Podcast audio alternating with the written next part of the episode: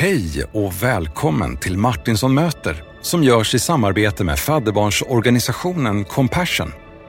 Compassion befriar 2,1 miljoner barn från fattigdom genom drygt 8 000 lokala kyrkor i 25 länder. Är du nyfiken på vad det innebär att bli fadder till ett fadderbarn? Då kan du läsa mer på compassion.se där du också kan signa upp dig direkt för 310 kronor i månaden. Gör det! Nu till dagens avsnitt där vi i väntan på nästa säsong får ta del av bibelundervisning.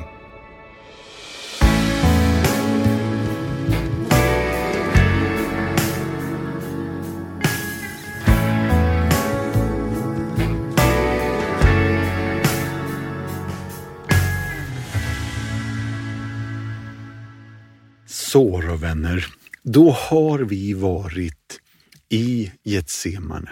Vi har varit uppe på Golgata och vi har varit vid graven.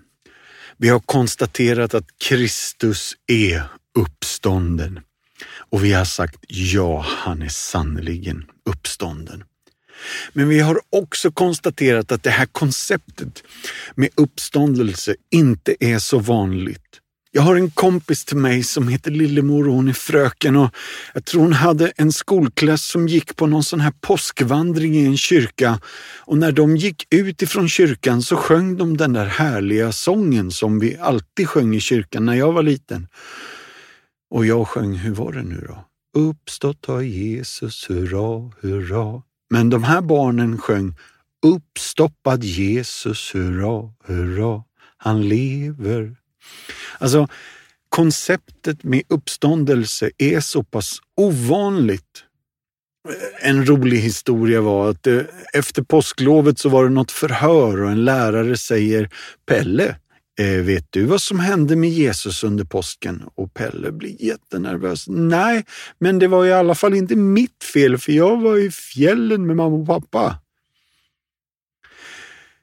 Jag ska försöka nu det här sista bibelstudiet att ge mig på inte bara bibelberättelsen utan de berättelser som vi omger oss med nu i modern tid, där uppståndelse ibland är ett inslag eller en avgörande del för berättelsen.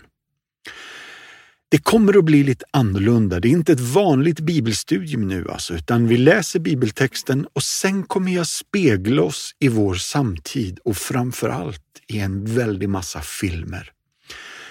Vi får se vart det här landar. Nu läser vi Lukas kapitel 24 och vers 1 till 12. Men dagen efter sabbaten gick de i gryningen till graven med kryddorna som de hade gjort i ordning. De fann att stenen var bortrullad från graven och när de gick in kunde de inte finna Herren Jesu kropp. De visste inte vad de skulle tro, men då stod där två män i skinande kläder framför dem. Kvinnorna blev förskräckta, sänkte blicken mot marken, men männen sa till dem, varför söker ni den levande här bland de döda? Han är inte här, han har uppstått. Kom ihåg vad han sa till er medan han ännu var i Galileen, att Människosonen måste överlämnas i syndiga människors händer och korsfästas och uppstå på tredje dagen. Då kom de ihåg hans ord. Och när de hade återvänt från graven så berättade de allt sammans för de elva och alla de andra. Det var Maria från Magdala, Johanna och Maria, Jakobs mor. Även de andra kvinnorna i deras sällskap talade om det för apostlarna. De tyckte att det bara var prat och trodde inte på dem. Men Petrus sprang genast bort till graven. När han lutade sig in såg han bara linnesvepningen ligga där och han gick därifrån full av förundran över det som hade hänt. Lyssna nu en kort mening ifrån Andra Petrusbrevet 1 och 16. Det var inte några skickligt hopdiktade sagor jag byggde på när jag för er förkunnade vår Herre Jesu Kristi makt och hans ankomst, utan jag hade med egna ögon sett honom i hans majestät. Vi pratade om legender igår och nu använder Petrus ordet sagor. Uppståndelsen är ingen saga. Uppståndelsen är ingen legend. Och målet med det jag vill dela nu är att försöka använda de bilder som vår samtid använder för att referera till det vi kallar för uppståndelsen. Det finns en författare som heter, jag kan inte uttala namnet, men Shusaku Endo och han har skrivit i boken Life of Jesus om uppståndelsen. Om du inte tror på uppståndelsen så kommer du ändå att tvingas tro att något drabbade lärjungarna som var lika fantastiskt, kanske annorlunda, men ändå lika kraftfullt i sin elektrifierande intensitet. För om vi ska försöka förklara det förvandlande livet hos de första kristna, då kommer du att behöva göra ett trossprång lika stort som om du själv trott på uppståndelsen till att börja med. Vi använder berättelser, inte bara som kyrka utan vi människor gör det ständigt och jämt. Och antropologer, alltså de som kan prata om läran om människan. De säger att berättandet och berättelsen är central för människans existens. Att det är vanligt i alla kända kulturer och att det handlar om ett symbiotiskt utbyte mellan berättaren och lyssnaren.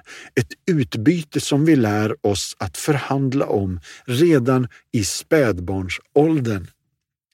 Precis som hjärnan upptäcker naturens mönster i de visuella formerna. Ett ansikte, en siffra, en blomma och i ljud så upptäcker hjärnan även mönster i information. Berättelser är igenkänningsmönster och i dessa mönster finner vi mening. Vi använder berättelsen för att förstå vår värld och dela denna förståelse med andra.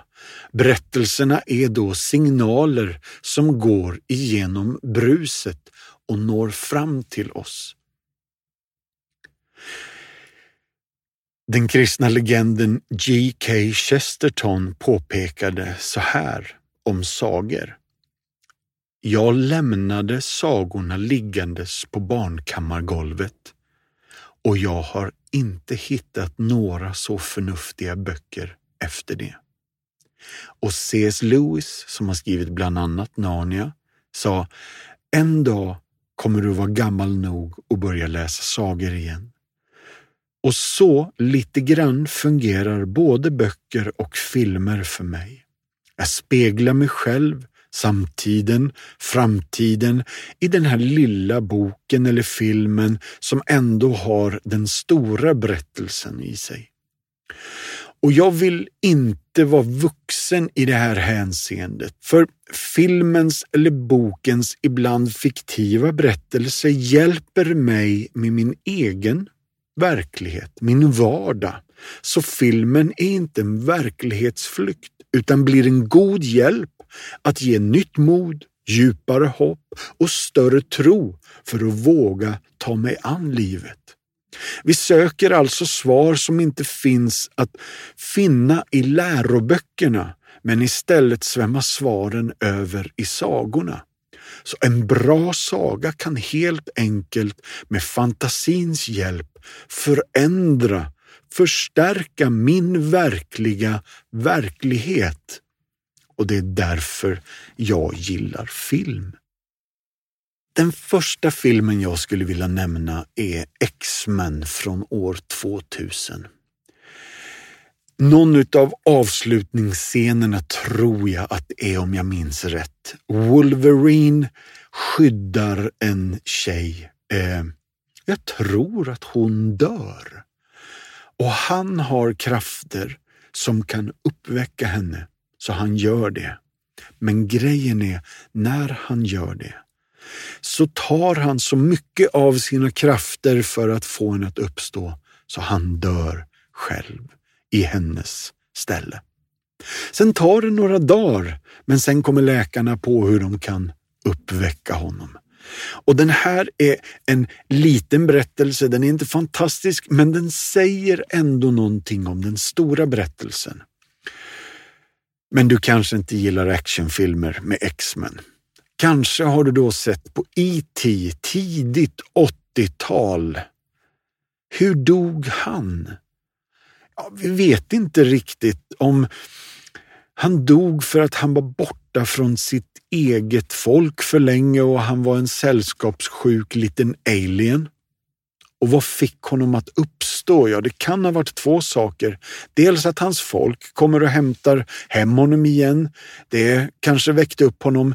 Eller så är det pojken Elliots tårfyllda och sorgliga farväl som får E.T. att uppstå.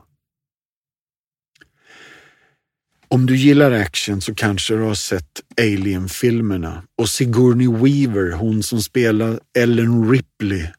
Hon dör ju när hon ofrivilligt bär en utomjording. I Alien 3, hon sänks ner i något kar med bly som sedan snabbt kyls ner så det exploderar. Vad får henne att uppstå då? Jo, det är någon cell som är tillräckligt för att forskarna ska kunna klona henne. En cell som för övrigt kommer med en hel hög av minnen, men hennes DNA blandar ihop ja, alltihopa med någon utomjording, så hon blir någon konstig hybrid. Jag är medveten om att det här är inte kristna reflektioner, men är vi medvetna om att våran omvärld målar de här bilderna där uppståndelsen görs möjlig. Därför att det är en dröm som alla längtar efter, att leva för evigt. En av de klassiska som jag gissar att några av er har sett är Mission Impossible 3, Tom Cruise. Han blir misshandlad av en skurk som heter Davian som placerar någon liten chip i Ethans hjärna och den hotar att smälla av när som helst helst. Så Ethan frågar sin fästmö kan du strömföra mig så att vi kan avaktivera bomben? Och i det då så, så dör han ju på kuppen. Fästmön är duktig på hjärt och lungräddning så hon startar hans stillastående hjärta samtidigt som hon avväpnar och besegrar den dumma skurken Davian spelad av Philip Seymour Hoffman bilder hela tiden. Bilder som talar om en möjlighet till ett hopp och en uppståndelse. Då. Säger inte att det är kristet, men jag säger att det är vår samtid. En favorit för mig är ju trilogin The Matrix där Keanu Reeves spelar Neo.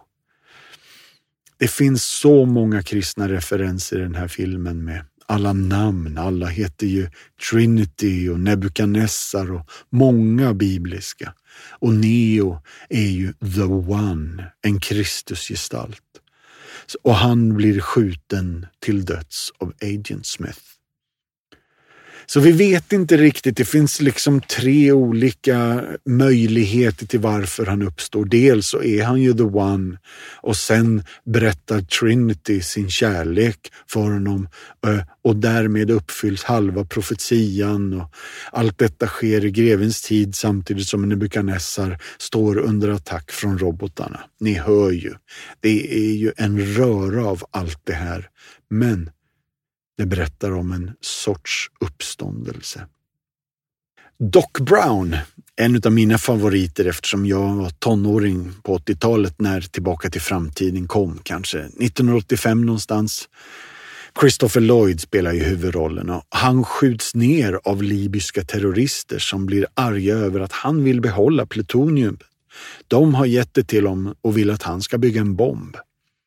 Vi vet ju inte riktigt om han verkligen dör, men Marty McFly eh, reser tillbaka i tiden och varnar doktorn, så hela historieförloppet ändras. Och han bär en skyddssäker väst när libyerna kommer. Än en gång bara berättelser. Harry Potter. Hur dog han? Daniel Radcliffe spelar huvudrollen och han får reda på att jag själv är det slutgiltiga horrorcruxet som måste förstöras för att besegra den onde Voldemort som spelas oerhört dramatiskt av Ralph Fiennes. Och då kastar ju Voldemort eh, dödsförbannelser över Harry så att han dör. Harry hamnar i limbo efter att han har insett att Voldemort i princip bara förstört en del av sig själv. Så han återvänder till livet och dödar Voldemort.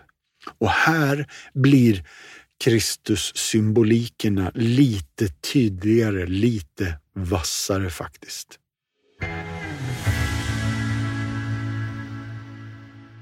Nu så blir det en liten paus från undervisningen och du ska få höra om vad Compassions arbete gör för skillnad i ett barns liv på riktigt.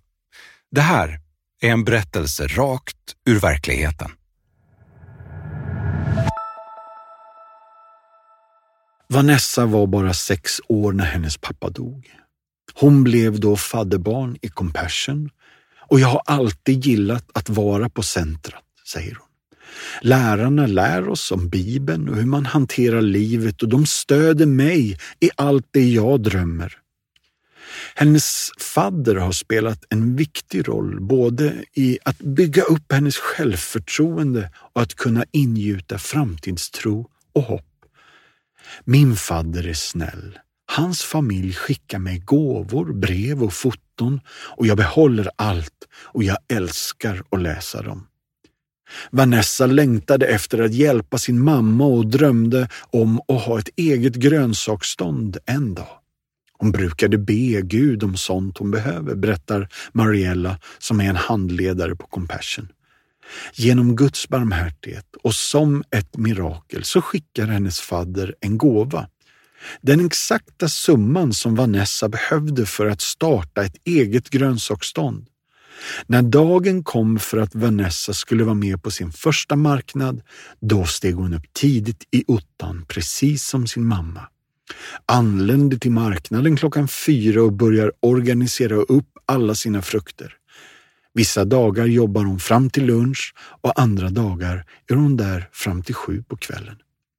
Under karantänen räddade min verksamhet hela familjen eftersom min mamma inte fick sälja berättar Vanessa.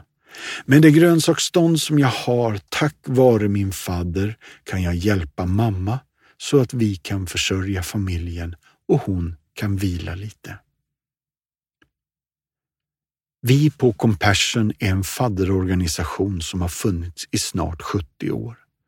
Vi startades av en evangelist som hette Everett Swanson när han såg misären i Sydkorea. Nu tar vi hand om 2,1 miljoner fadderbarn. Och vi gör det genom det vi kallar en till en. Alltså att du som fadder kan ha direktkontakt med ditt fadderbarn. Och vårt uppdrag, ja det hittar du i Markus evangeliet kapitel 16 och vers 15. Gå ut i hela världen och predika evangelium för hela skapelsen. Vi finns alltså som ett svar på missionsbefallningen och vi är förespråkare för barn i nöd för att frigöra dem från andlig, ekonomisk, social och fysisk fattigdom. Och vi vill vädja till dig att tillsammans med oss vara med om att förvandla liv. Gå in på compassion.se och jag vill uppmuntra dig till att signa upp dig på att bli fadder idag. Nu fortsätter jag min tanke om filmer och uppståndelser. Nu har vi kommit fram till en av mina absoluta favoriter. Och det är Gandalf den grå som spelas av Ian McKellen i Sagan om ringen. Och i film nummer två, Sagan om de två tornen, så dör Gandalf i en avgrund, dödad av en balrog. Han landar längst ner i vattnet och kämpar hela vägen tillbaka upp till bergets topp. Där besegrar han sin fiende, men dör tyvärr i processen. Och det är någonting som får honom att uppstå. Hans oavslutade uppgift. Som ledare för det lilla niomannateamet så var Gandalf verkligen behövd i Midgård. Så Eru, som bor utanför reglerna för tid och rum, återuppväcker honom och lyssnar nu som Gandalf den vite, den upphottade versionen av den ursprungliga karaktären Gandalf den grå.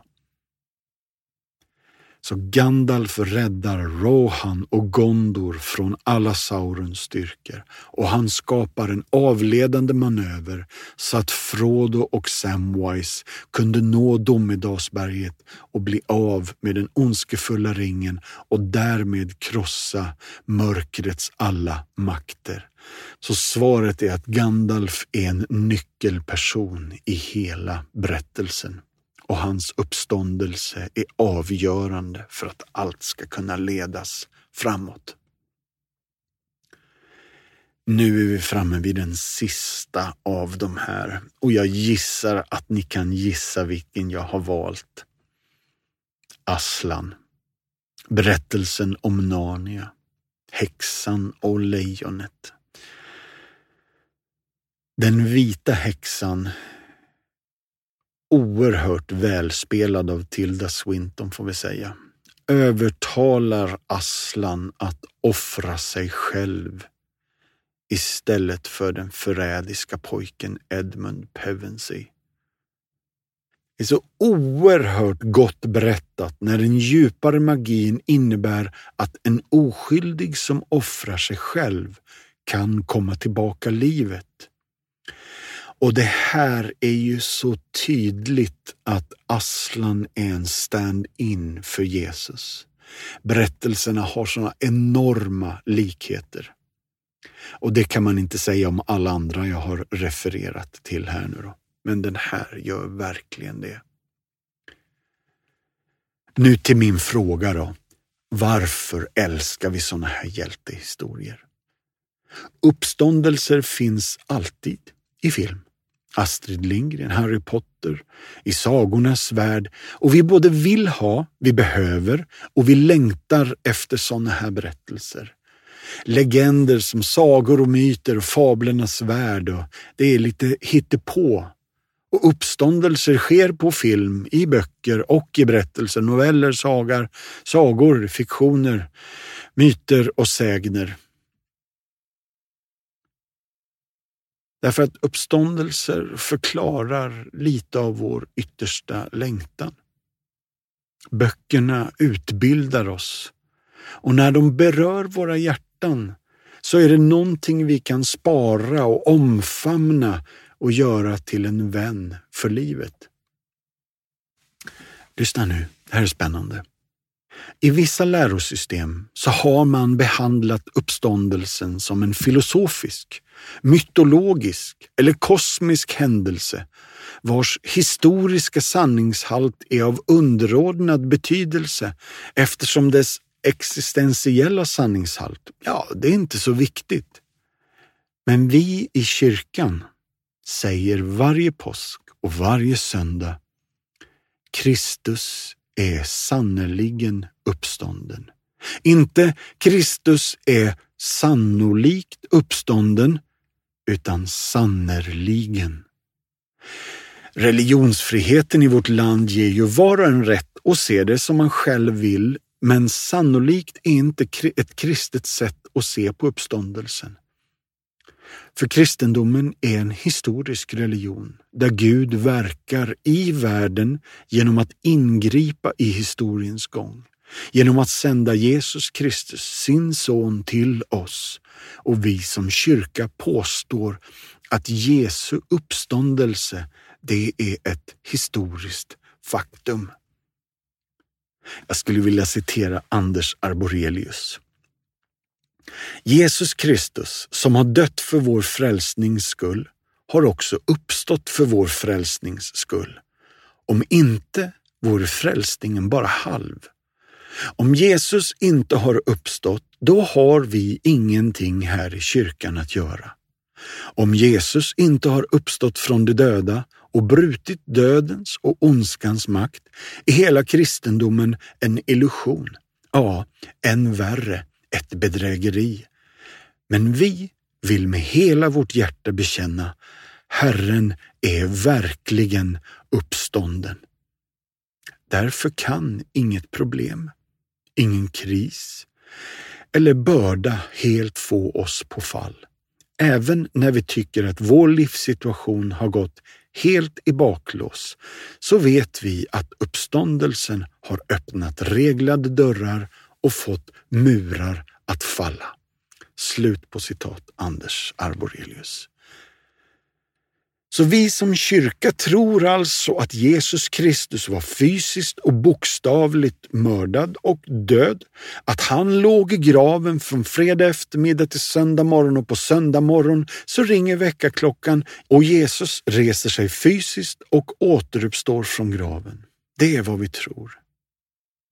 Jesu uppståndelse innebär att du som är kristen ska uppstå du också.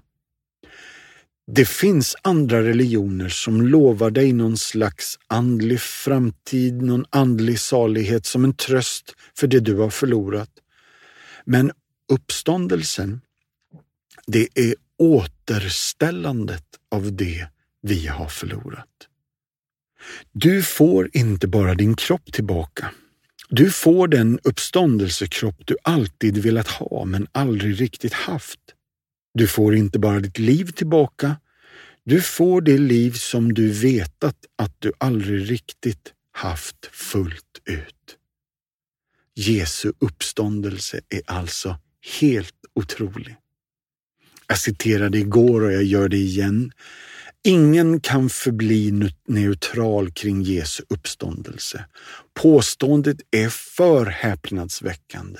Händelsen är för omskakande. Konsekvenserna är alltför betydande och frågan alltför allvarlig.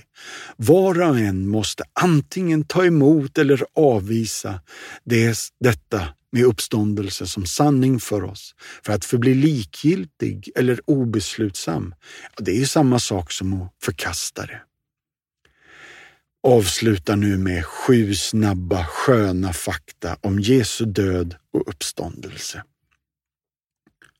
Jesu uppståndelse var uttalad långt i förväg. Många gånger till och med innan han föddes. 2. Jesus själv förutsade sin uppståndelse. Det kan man ju göra så länge man lever, men det är svårt att lösa en uppståndelse om man själv är död. 3. Då. Jesus dog. Hans fiender bekräftar att han var död. Han lades i en grav, Sanhedrin, romarna och soldaterna ljuger till och med om hans död, men de är överens. De beseglar graven. 4. Jesus begravdes i en grav som faktiskt var lätt att hitta. Och långt innan Jesus föddes så säger Gamla testamentet att han till och med ska ligga i en rik mans grav. 5.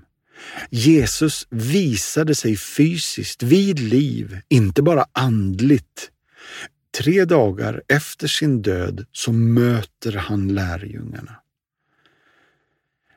Det går att få folk att hitta på, men det går inte få alla att säga exakt samma sak. Punkt nummer 6. Jesu uppståndelse övertygar Jesu egen familj att vi vill tillbe honom som Gud. Och jag skulle vilja säga, kids don't try this at home. Att Jesu familj, att några av Jesu bröder skriver några av breven i Nya testamentet bland annat Jakobsbrevet och Judasbrevet. Det är tung fakta som väger till Jesu uppståndelsefördel. Och sista nu då. Jesu uppståndelse bekräftades av, han mest, av hans mest bittra fiender, till exempel romarna och framförallt, som vi sa igår, Paulus. Det finns så mycket mer att säga om uppståndelsen. Men nu vill jag bara konstatera, vi som kyrka, vi firar idag Jesu Kristi uppståndelse från de döda. Och jag vill avsluta med att läsa välsignelsen över dig. Gå ut i världen med frid. Var vid gott mod. Håll fast vid det som är rent. Löna inte ont med ont. Stärk den trötte. Stöd den svage. Hjälp de drabbade. Hedra alla. Älska och tjäna Herren. Gläd dig i den helige Andes kraft. Och låt Gud den allsmäktiges välsignelse från Fadern och Sonen och den helige Ande vara bland er och stanna hos er alla, alltid. Amen.